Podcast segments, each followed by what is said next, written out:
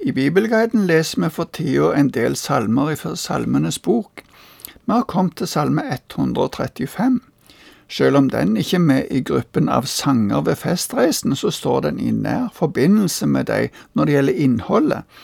Denne salmen er en lovprisningssalme. Herrens gjerninger beskrives. I denne salmen finner vi mange henvisninger til hendelser som òg andre salmer tidligere i Salmenes bok har beskrevet. Frelsen ved utgangen fra Egypt er sentral, og det kommer òg en klar advarsel om å tilbe andre guder. Begynnelsen og slutten av salmen har liturgiske trekk, og det antas derfor at den ble brukt i tempelet i forbindelse med feiringer av høytidene. Først i salmen kommer en oppfordring til prestene om å prise Herren. Vi leser de fire første versene. Halleluja. Lovsyng Herrens navn. Syng lovsang Herrens tjenere, dere som står i Herrens hus, i forgårdene til vår Guds hus. Pris Herren, for Herren er god. Lovsyng Hans navn, for det er herlig. Herren har utvalgt Jakob gjort Israel til sin eiendom. Herrens tjenere og alle som står i Herrens hus, oppfordres til å lovprise Herren. Vi kan la denne oppfordringen gå videre til alle Guds folk i vår tid. Pris Herren, for Han er god. Det kan være nyttig å stanse opp og betrakte Herrens godhet. Det kommer salmen inn på i fortsettelsen men for meg og deg er det kanskje andre ting vi vil trekke fram som viser at Herren har handla med oss i sin godhet i tidligere tider.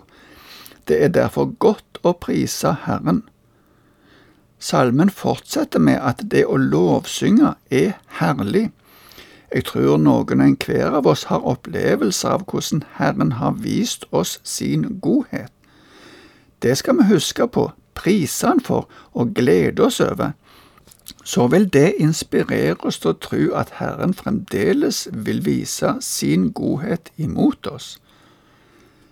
Herren valgte ut Jakob, står det her. Vi kjenner historien der først Abraham fikk et kall til å dra ut på Herrens ord, og at han ville velsigne alle folkeslag gjennom han.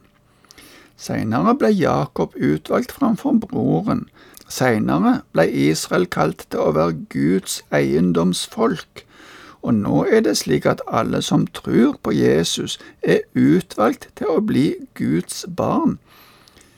Det er virkelig noe å prise Gud for.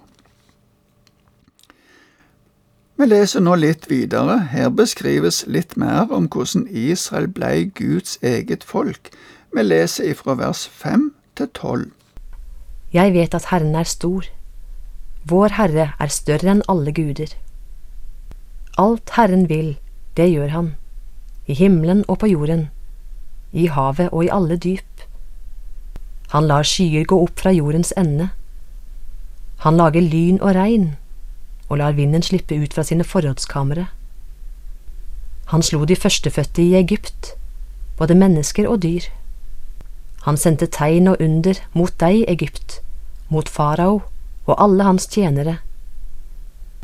Han slo mange folkeslag og drepte mektige konger, amorittenes konge Sihon, kong Og i Basan og alle kongeriker i Kanaan. Han ga deres land til eiendom, til eiendom for Israel, sitt folk. Herren er den eneste sanne Gud. Så nevnes at han er større enn alle guder.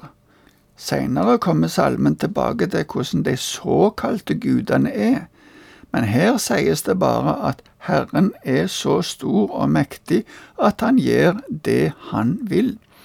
Med andre ord er det ingenting som er umulig for Herren. Det gjelder ikke bare på jorden, men også i himmelen. Så fortsetter beskrivelsen av Herrens storhet med hvordan det kommer skyer, lyn og regn.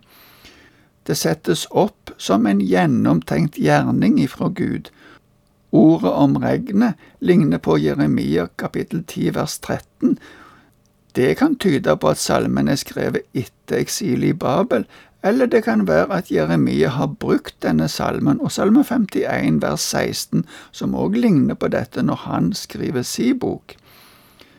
Gud er en Gud som følger med på alt det som skjer på jorda. Det er han som styrer det. Gud har skapt, og han opprettholder verden.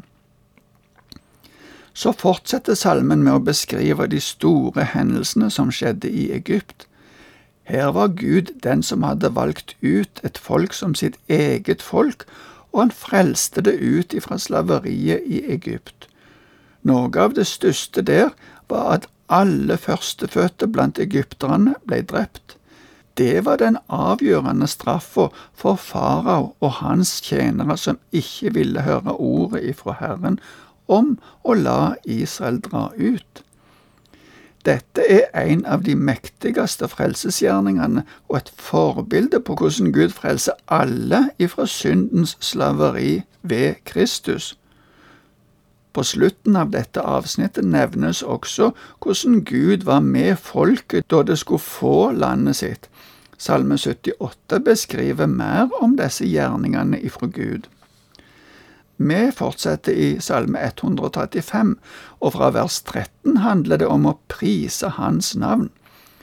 Så, i fortsettelsen, kommer det noen ord om maktesløsheten til avgudene og de som tror på deg. Etter det oppfordres folket igjen til å prise Herren.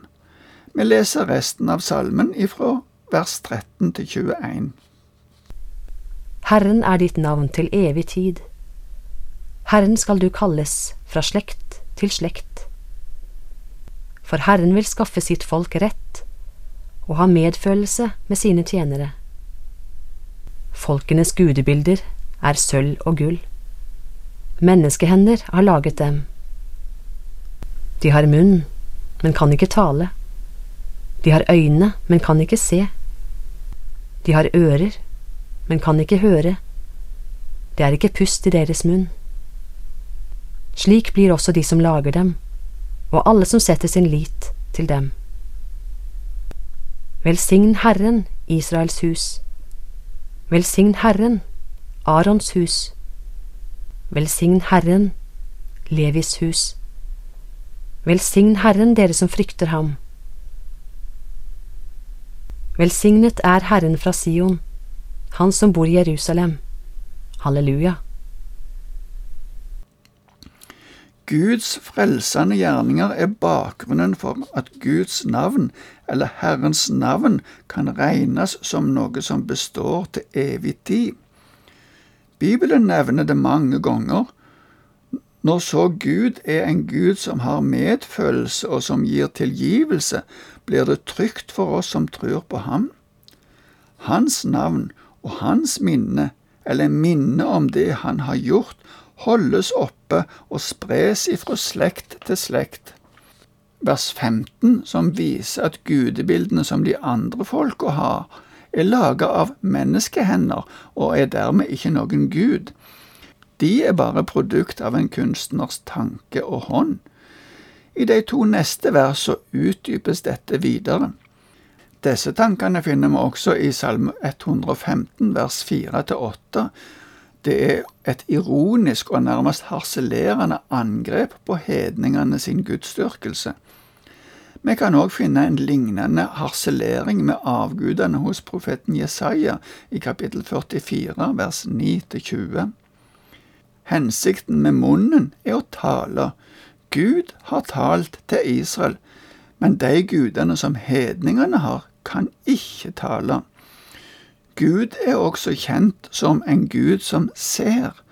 Han ser den nøden hans folk er i, og han griper inn.